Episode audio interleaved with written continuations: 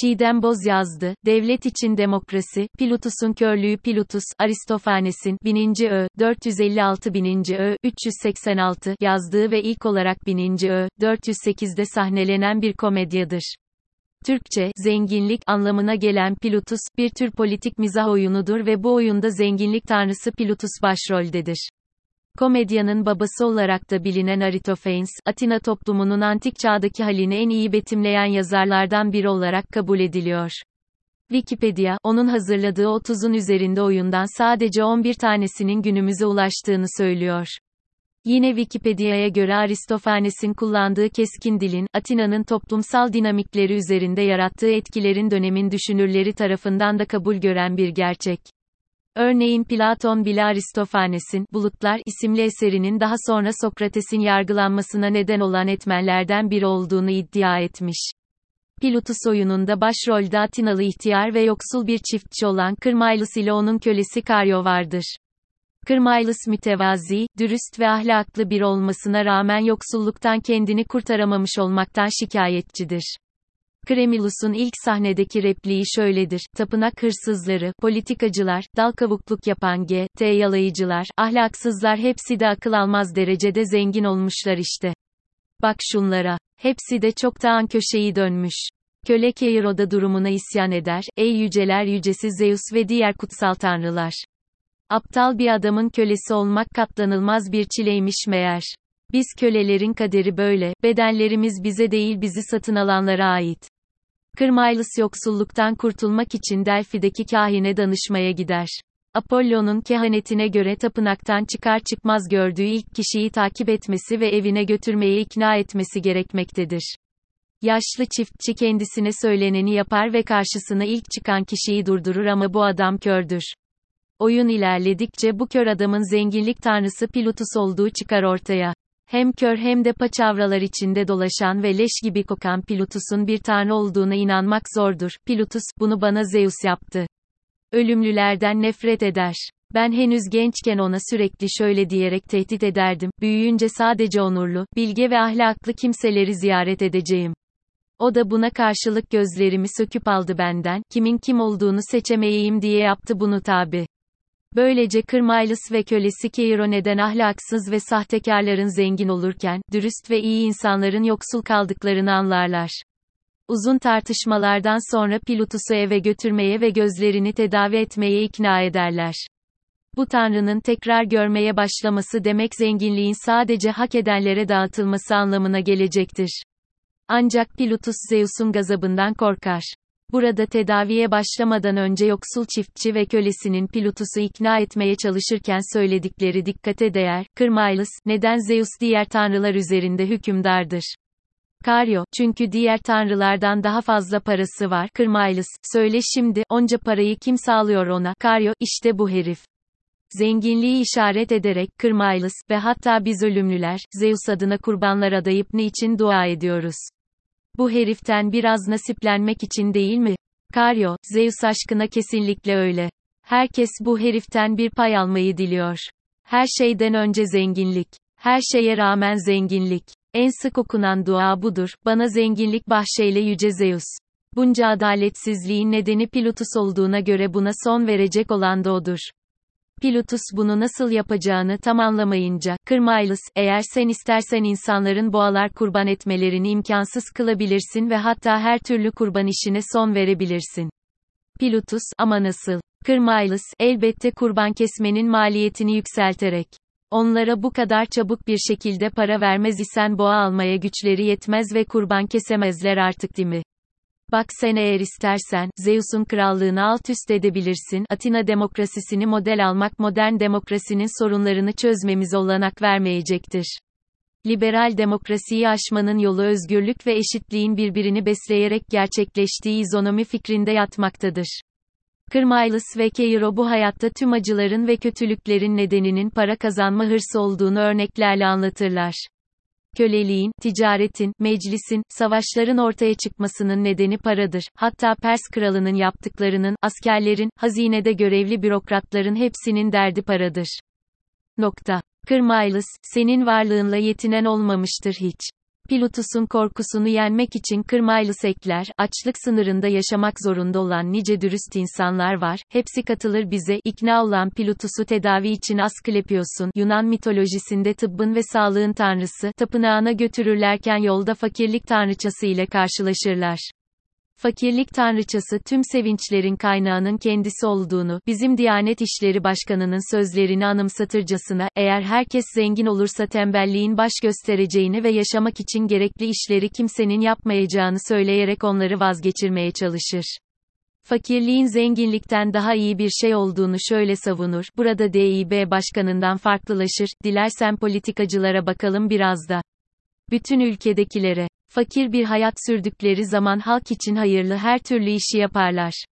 Fakat halkın parasıyla zengin olur olmaz da hemen sahtekarlığa başlarlar. Fakir halkı sömürmek için her türlü dalavereye başvururlar.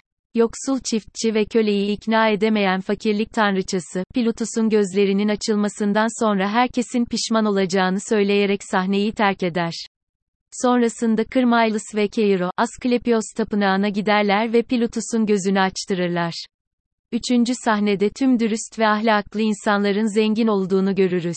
Ancak eski servetlerini kaybeden bazıları bu durumdan rahatsız olacaktır ve dördüncü sahnede bunlarla tanışırız. Bunlardan birisi muhbirdir, kendisini devlet bünyesinde bir fahri danışman olarak tanıtır vatansever olduğunu ve insanların yasalara uygun hareket edip etmediğini takip ederek memlekete faydalı işler yaptığını savunur. Buradaki replikler yine bizlere pek yabancı gelmez, adil adam, fakat bu işi yapmak için yargıçlarımız var zaten. Muhbir, elbette öyle, fakat yürütme işi kimin elinde? Adil adam, işgüzarların. Muhbir, memleket meseleleri benim meselemdir. Ve hatta koruyucusu da benim. Çiftçiler ve adil adam, muhbirin üstünü başını soyup onu öylece gönderirlerken kızgın muhbirden yine çok tanıdık bir tehdit repliği duyarız. Muhbir, memleket yasalarını çiğneyerek demokratik düzeni yıkmaya çalışmak suçuyla yargılatacağım sizi ve hatta meclisin onayına gerek kalmadan. Yeni gelir dağılımından rahatsız bir başka kişi de fakir sevgilisini kaybeden ihtiyar bir kadındır. Zengin olunca onu terk edip giden genç adamın derdine düşmüştür. Son sahnede ise bu işten rahatı kaçan bir tanrı belirir. Bu tanrı, Zeus ve Maya'nın oğlu olan ve tanrıların en kurnazı, en hırslısı sayılan Hermes'ten başkası değildir. O da ölümlülerden artık hiç kurban, adak vesaire alamadığından yakınır. Mevcut durumda ölümlüler, tanrılardan daha refah bir hayat yaşadığı için onlara katılmak istediğini söyler. Yunanlar ise Mısır ve Çin'in yolunu izlememiş, bunun yerine birkaç özel polis oluşmuştur. Karatani'ye göre bunun nedeni, devletin oluşmasına olanak vermeyen bir ilkedir ve bu da İonya kültür ve siyasetinden Atina'ya yansımıştır. Hermes, vatan, karnının doyduğu ve güzel bir hayat sürebildiğin yerdir. Karyo, peki senin bizimle yaşamana izin verirsek karşılığında ne alacağız o zaman? Hermes, kapıları menteşeleri koruyan tanrı olayım, hırsızları önlerim. Karyo, kapıları menteşeleri koruyan tanrıya ihtiyacımız yok bizim. Hermes sırasıyla tekliflerde bulunur, arabulucu tanrı, sahtekarların koruyucusu tanrı, sporu koruyan tanrı ve son teklifi kabul edilir. Pilotus'un gözlerinin görmeye başlamasından şikayetçi olan diğer kişi de rahiptir. Kimse kurban kesip adak sunmadığı için aç kalan rahip Zeus'u bırakıp gelmiş artık onlarla yaşamak istemektedir. Tam burada öğreniriz ki Zeus, rahipten de önce davranmış ve yoksul çiftçinin evindeki Pilotus'un yanına gelmiştir. Sonunda, Kırmaylus ve beraberindekiler Pilotus'u hazine odasının koruyucusu olarak Akropolis'teki eski makamına yani Athena tapınağındaki yerine götürmeye karar verirler. Pilotus arkasından onu takip eden Kırmaylus ve ailesi, köleler, rahip, Hermes ve Zeus hep birlikte dizilerek sahneyi terk ederler. Güncelliğini hiç kaybetmemiş bu oyun sosyal bilimciler için pek çok sorunsal barındırıyor içinde. Sanat tarihçileri ve antik Yunan araştırmacıları ise daha çok demokrasi ve tiyatro arasındaki ilişki üzerine kafa yormuştur. Bu alanda hakim anlayışa göre Aristofanes'in oyunları gibi politikacıları ve soyluları hicveden oyunların sahnelenmesi demokrasinin faziletleri olarak görülmelidir. Nokta. Atina demokrasisinin ifade özgürlüğüne yer açmış olması elbette iyi bir şey. Ancak demokrasi her zaman özgürlüklerin garantisi midir veya demokrasi eşitliği sağlama amacını taşır mı? İşte bu yazıda, Atina demokrasisinden yola çıkarak demokrasinin olabilecek en iyi rejim, özgürlük ve eşitlik ideallerini birlikte gerçekleştiren, olmadığını Karatani'nin görüşleri bağlamında tartışmaya açmak istiyorum. Atina'yı tanrılardan ayrı düşünmek imkansızdır. Nasıl yerleşik hayata geçiş beraberinde zenginlik ve güç birikimini getirerek sınıf ayrılıkları ve devletin ortaya çıkmasına neden olmuşsa, inanç bakımından da enimizmden, göçebe avcı toplayıcı toplumların inanışı, büyüye doğru bir evrim görürüz. Bu toplumlarda baş rahibin statüsü de yükselir. Burada tanrılar aşkın ve insan zihninin kavrayışının ötesindedir ama insanlar armağan ve dualar sunarsa tanrılar insan taleplerine yanıt vermek zorundadır. Karatani, Weber'in, büyünün bozulması kavramını, Tanrı'nın bir şeylere zorlanması fikrinin zayıflaması olarak yorumladığı, izonomi ve felsefenin kökenleri, kitabında insan biçimindeki tanrıları eleştiren İonya felsefesini ele alır. Doğa felsefesinin de tıpkı evrensel dinler gibi bir büyü bozumu süreci ortaya çıktığını ileri sürer. Ancak insan yapımı düzenden, nomos, şüphe etmeyi ve doğayı, PHY'siz, takip etmeyi savunan İonya doğa felsefesinde modern bilimi haber veren düşünce biçimlerini görüp bu felsefenin diğer yönlerini görmezden gelmenin günümüzde yaygın bir durum olmasından yakınır. Karatani, İonyalı filozofların yalnızca fiziksel dünya ile ilgilenmiş ve diğer alanlara kayıtsız kalmışlar gibi algılanmasının sorumlusu olarak Platon ve Aristoteles'i gösterir. Platon ve Aristoteles, Sokrates öncesi filozofları doğa filozofları olarak tanımlayarak, felsefenin dikkatini ilk kez etik soruşturmasına yöneltmesinin Sokrates'le başladığını iddia etmişlerdir. Bu, felsefenin gerçek anlamda Atina'da başladığını söylemek ve İonya'yı görmezden gelmek demektir. Atina merkezli bu perspektif, antik Yunan'ın ayırt edici özellikleri olarak görülen ne varsa her şeyin İonya'da başladığı gerçeğini unutur. Mısır, Mezopotamya ve Antik Yakın Doğu'nun teknolojisi, dini ve düşüncesinin kesiştiği İonya, alfabe, paranın kullanılması, polisin ilkelerinin kurumsallaşması açısından öncüdür. Homeros'un eserleri bile İonya lehçesinde yazılmıştır. Genelde antik Yunan polisinin akrabalıkla tanımlanan daha eski klan toplumlarının aksine özerk bireysel tercihle kurulduğu ileri sürülür. Oysa bu ilke de önce İonya'da başlamıştır. Özetle, Antik Yunan'da demokrasinin gelişimi anlatılırken merkezde Atina'nın gösterilmesi bir hatadır, merkez İonya olarak görülmelidir. Ama bir yandan da doğrudur çünkü İonya'da olan demokrasi değil izonomiydi. Atina'nın toplumsal yapısına daha yakından baktığımızda, dört toplumsal katmana dayandığını görüyoruz. Hane, oikos, klan, genos, kardeşlik ve akrabalık, fiatri, kabile, filai. Yani Atina artık gerçek anlamda bir klan toplumu olmasa da kabile gelenekleri hala korunuyordu. Bu gelenekleri sona erdiren ve insanları bir demosa dönüştüren Cleisthenes'in M.Ö. 508'de yaptığı reformlardı. Bununla birlikte söz konusu reformlar, akrabalık haklarını aşan, bireylerin özel toplumsal sözleşmesine dayanan polis türünün oluşmasına sebep olmamıştı. Örneğin çoğunlukla Atina'nın zirvesi olarak görülen Perikles'in çağında bile yurttaşlık akrabalıkla belirleniyordu. Ve yabancılar diğer polislerden gelen insanlar dışlanıyordu. Bu anlamda Atina polisi Yunan bölgelerinin dışında bulunan ve doğası itibariyle kabile konfederasyonları olan şehir devletlerden özünde farklı değildir. Kabile konfederasyonları olarak oluşmuş şehir devletlerin aralarındaki ihtilaflar sonucu despot bir devletle sonlandığını tarihten biliyoruz. Mezopotamya, Mısır ve Antik Çin gibi. Yunanlar ise bu yolu izlememiş, bunun yerine birkaç özerk polis oluşmuştur. Karatani'ye göre bunun nedeni, devletin oluşmasına olanak vermeyen bir ilkedir ve bu da İonya kültür ve siyasetinden Atina'ya yansımıştır. Yani Yunan devletlerinin despot bir merkezi devlete dönüşmemesinin nedeni İonya'dan gelen izonomi fikridir. Bu bakımdan Atina felsefesi tek kelimeyle, İonya kökenli fikirleri bir yandan bünyesine katarken bir yandan da bunları alt etme çabası olarak görülebilir. Ayrıca bu çaba salt felsefi bir sorun değil aynı zamanda siyasal bir sorundur da. Nokta. Özetle, Antik Yunan'da demokrasinin gelişimi anlatılırken merkezde Atina'nın gösterilmesi bir hatadır, merkez İonya olarak görülmelidir. Ama bir yandan da doğrudur çünkü İonya'da olan demokrasi değil izonomiydi. Demokrasi çoğunluğun egemenliği, hükmetmesi iken izonomi hükmetmenin olmadığı bir düzene denk düşer. Bunun İonya'da ortaya çıkmasının nedeni ise İonya'daki göçmenler arasında mevcut klan ve kabile geleneklerinin terk edilmiş, kısıtlama ve imtiyazların kaldırılmış ve yeni bir sözleşme topluluğunun doğmuş olmasıdır. Bir gönüllü yurttaşlık söz konusudur. Sparta ve Atina'da ise kabile geleneklerinin devam etmesi, zamanla polis içinde eşitsizlik veya sınıflar arası karşıtlıkların çıkmasına neden olmuştur. Böyle bir durumda da izonominin uygulanması yalnızca demokrasiyle yönetimde veya çoğunluk egemenliği ilkesiyle mümkün olabilirdi diyor Karatani. İonya ile diğer antik Yunan polisleri arasındaki baka bir fark da para ekonomisinin yarattığı sonuçlardır. Para ekonomisi Yunan anakarası polislerinde ciddi sınıf eşitsizliklerine yol açıp, yurttaşları sözleşmeli köleliğe sürüklemiştir.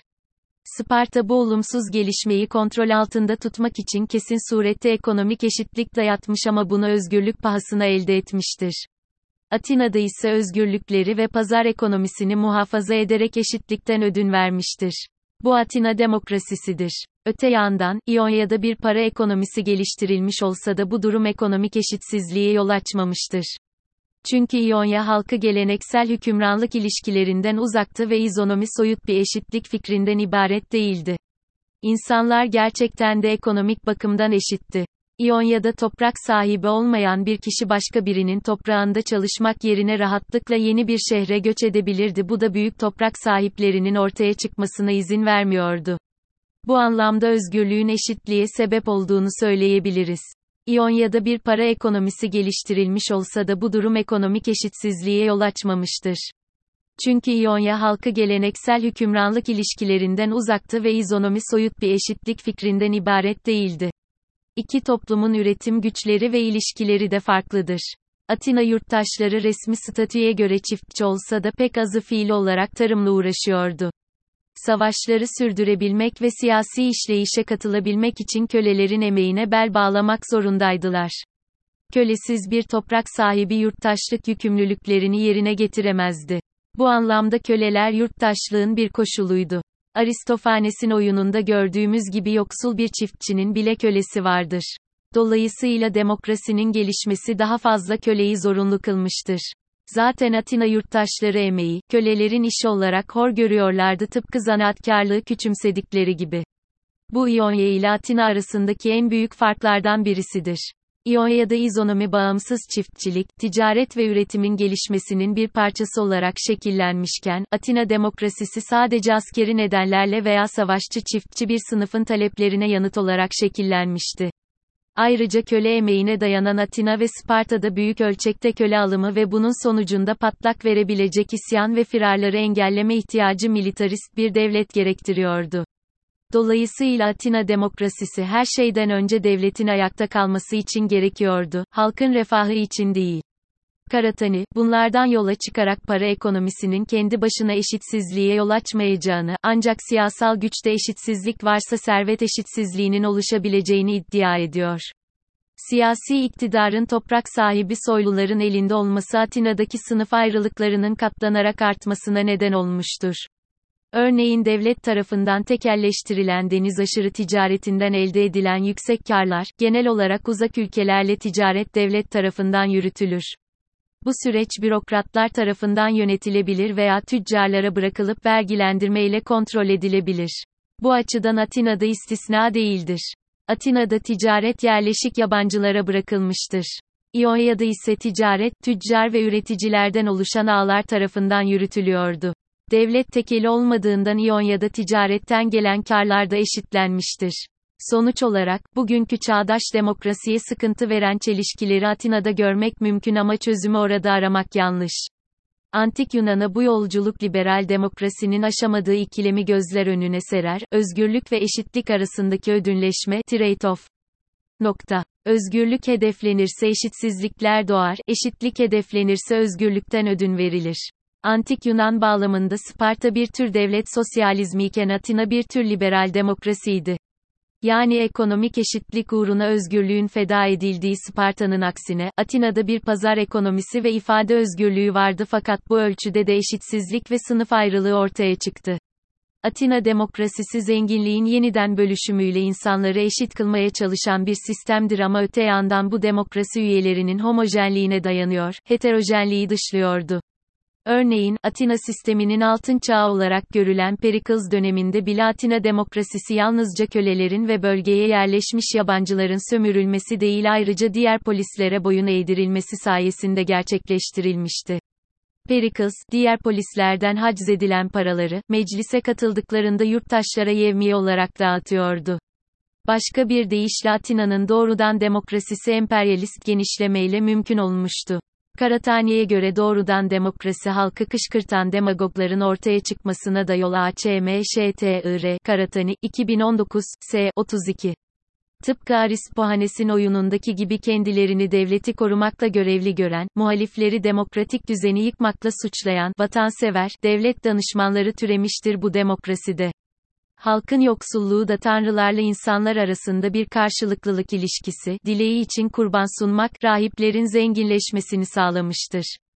Sonuç olarak, bugünkü çağdaş demokrasiye sıkıntı veren çelişkileri Atina'da görmek mümkün ama çözümü orada aramak yanlış. Başka bir deyişle, Atina demokrasisini model almak modern demokrasinin sorunlarını çözmemize olanak vermeyecektir. Liberal demokrasiyi aşmanın yolu özgürlük ve eşitliğin birbirini besleyerek gerçekleştiği izonomi fikrinde yatmaktadır.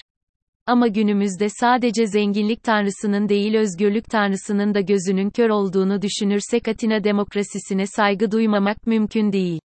25 asır önce sahnelenen böyle bir oyun yeni Türkiye'de hayal bile edilemeyecek bir özgürlük düzeyini gösteriyor.